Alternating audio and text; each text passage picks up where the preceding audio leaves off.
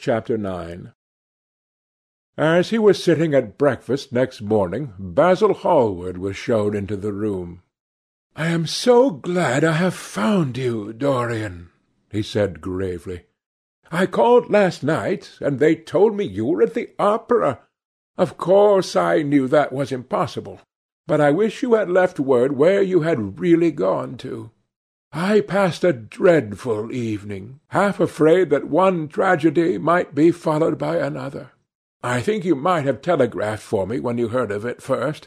I read of it quite by chance in a late edition of the Globe that I picked up at the club. I came here at once and was miserable at not finding you. I can't tell you how heartbroken I am about the whole thing. I know what you must suffer. But where were you? Did you go down and see the girl's mother? For a moment I thought of following you there. They gave the address in the paper. Somewhere in the Euston Road, isn't it? But I was afraid of intruding upon a sorrow that I could not lighten. Poor woman!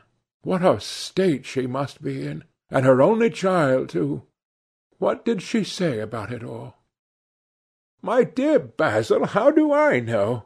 Murmured Dorian Gray, sipping some pale yellow wine from a delicate gold-beaded bubble of Venetian glass, and looking dreadfully bored. "I was at the opera. You should have come on there. I met Lady Gwendolen, Harry's sister, for the first time. We were in her box. She is perfectly charming, and Patti sang divinely. Don't talk about horrid subjects. If one doesn't talk about a thing, it has never happened. It is simply expression, as Harry says, that gives reality to things. I may mention that she was not the woman's only child. There is a son, a charming fellow, I believe. But he is not on the stage. He is a sailor or something. And now tell me about yourself, and what you are painting. You went to the opera? Said Hallward, speaking very slowly, and with a strained touch of pain in his voice. You went to the opera while Sibyl Vane was lying dead in some sordid lodging. You can talk to me of other women being charming, and of Patti singing divinely, before the girl you loved has even the quiet of a grave to sleep in, why, man, there are horrors in store for that little white body of hers. Stop, Basil! I won't hear it! cried Dorian, leaping to his feet. You must not tell me about things. What is done is done. What is past is past. You call yesterday the past? What has the actual lapse of time got to do with it? It is only shallow people who require years to get rid of an emotion. A man who is master of himself can end a sorrow as easily as he can invent a pleasure. I don't want to be at the mercy of my emotions. I want to use them, to enjoy them, and to dominate them. Dorian, this is horrible. Something has changed you completely. You look exactly the same wonderful boy who day after day used to come down to my studio to sit for his picture. But you were simple, natural, and affectionate then. You were the most unspoiled creature in the whole world. Now I don't know what has come over you. You talk as if you had no heart, no pity in you.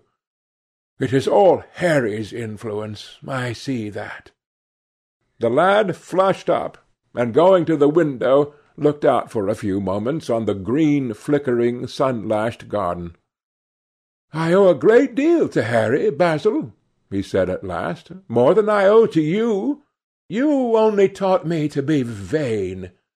Well, I am punished for that, Dorian, or shall be some day." "I don't know what you mean, Basil," he exclaimed, turning round. I don't know what you want. What do you want? I want the Dorian Gray I used to paint, said the artist sadly. Basil, said the lad, going over to him and putting his hand on his shoulder, you have come too late. Yesterday, when I heard that Sibyl Vane had killed herself—" "Killed herself! Good heavens! Is there no doubt about that?" Cried Hallward, looking up at him with an expression of horror. "My dear Basil, surely you don't think it was a vulgar accident? Of course she killed herself." The elder man buried his face in his hands. "How fearful!" he muttered, and a shudder ran through him. "No," said Dorian Gray, "there is nothing fearful about it. It is one of the great romantic tragedies of the age. As a rule, people who act lead the most commonplace lives. They are good husbands, or faithful wives, or something tedious. You know what I mean, middle-class virtue, and all that kind of thing. How different Sibyl was! She lived her finest tragedy. She was always a heroine. The last night she played, the night you saw her, she acted badly because she had known the reality of love. When she knew its unreality, she died, as Juliet might have died. She passed again into the sphere of art. There is something of the martyr about her. Her death has all the pathetic uselessness of martyrdom, all its wasted beauty. But, as I was saying, you must not think that I have not suffered. If you had come in yesterday at a particular moment, about half-past five, perhaps, or a quarter to six, you would have found me in tears. Even Harry, who was here, who brought me the news, in fact, had no idea what I was going through. I suffered immensely. Then it passed away. I cannot repeat an emotion. No one can except sentimentalists. And you are awfully unjust, Basil. You come down here to console me. That is charming of you. You find me consoled, and you are furious. How like a sympathetic person! You remind me of a story Harry told me about a certain philanthropist who spent twenty years of his life in trying to get some grievance redressed, or some unjust law altered. I forget exactly what it was. Finally he succeeded, and nothing could exceed his disappointment. He had absolutely nothing to do, almost died of ennui, and became a confirmed misanthrope. And besides, my dear old Basil, if you really want to console me, teach me rather to forget what has happened, or to see it from a proper artistic point of view. Was it not Gautier who used to write about la consolation des arts? I remember picking up a little vellum-covered book in your studio one day and chancing on that delightful phrase. Well, I am not like that young man you told me of when we were down at Marlow together, the young man who used to say that yellow satin could console one for all the miseries of life. I love beautiful things that one can touch and handle. Old brocades, green bronzes, lacquer work, carved ivories, exquisite surroundings, luxury, pomp. There is much to be got from all these. But the artistic temperament that you create, or at any rate reveal, is still more to me. To become the spectator of one's own life, as Harry says, is to escape the suffering of life. I know you are surprised at my talking to you like this. You have not realized how I have developed. I was a schoolboy when you knew me. I am a man now. I have new passions, new thoughts, new ideas. I am different, but you must not like me less. I am changed, but you must always be my friend. Of course I am very fond of Harry, but I know that you are better than he is. You are not stronger, you are too much afraid of life, but you are better. And how happy we used to be together! Don't leave me, Basil, and don't quarrel with me. I am what I am. There is nothing more to be said. The painter felt strangely moved. The lad was infinitely dear to him, and his personality had been the great turning point in his art. He could not bear the idea of reproaching him any more. After all, his indifference was probably merely a mood that would pass away. There was so much in him that was good, so much in him that was noble.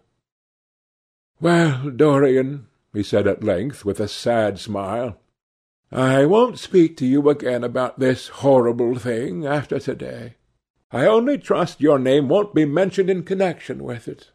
The inquest is to take place this afternoon. Have they summoned you?" Dorian shook his head, and a look of annoyance passed over his face at the mention of the word inquest. There was something so crude and vulgar about everything of the kind. "They don't know my name," he answered. "But surely she did?" "Only my Christian name, and I am quite sure she never mentioned it to any one. She told me once that they were all rather curious to learn who I was, and that she invariably told my name as Prince Charming. It was pretty of her. You must do me a drawing of Sibyl, Basil. I should like to have something more of her than the memory of a few kisses and some broken pathetic words. I will try and do something, Dorian, if it would please you. But you must come and sit to me yourself again. I can't get on without you. I can never sit to you again, Basil. It is impossible, he exclaimed, starting back. The painter stared at him. My dear boy, what nonsense! he cried. Do you mean to say that you don't like what I did of you? Where is it? Why have you pulled the screen in front of it? Let me look at it. It is the best thing I have ever done. Do take the screen away, Dorian. It is simply disgraceful of your servant hiding my work like that. I felt the room looked different as I came in. My servant has nothing to do with it, Basil. You don't imagine I let him arrange my room for me. He settles my flowers for me sometimes. That is all. No, I did it myself. The light was too strong on the portrait. Too strong? Surely not, my dear fellow. It is an admirable place for it. Let me see it. And Hallward walked towards the corner of the room. A cry of terror broke from Dorian Gray's lips, and he rushed between the painter and the screen. "Basil," he said, looking very pale, "you must not look at it. I don't wish you to." "Not look at my own work? You are not serious. Why shouldn't I look at it?" exclaimed Hallward, laughing. "If you try to look at it, Basil, on my word of honour I will never speak to you again as long as I live. I am quite serious. I don't offer any explanation, and you are not to ask for any. But remember, if you touch this screen, everything is over between us.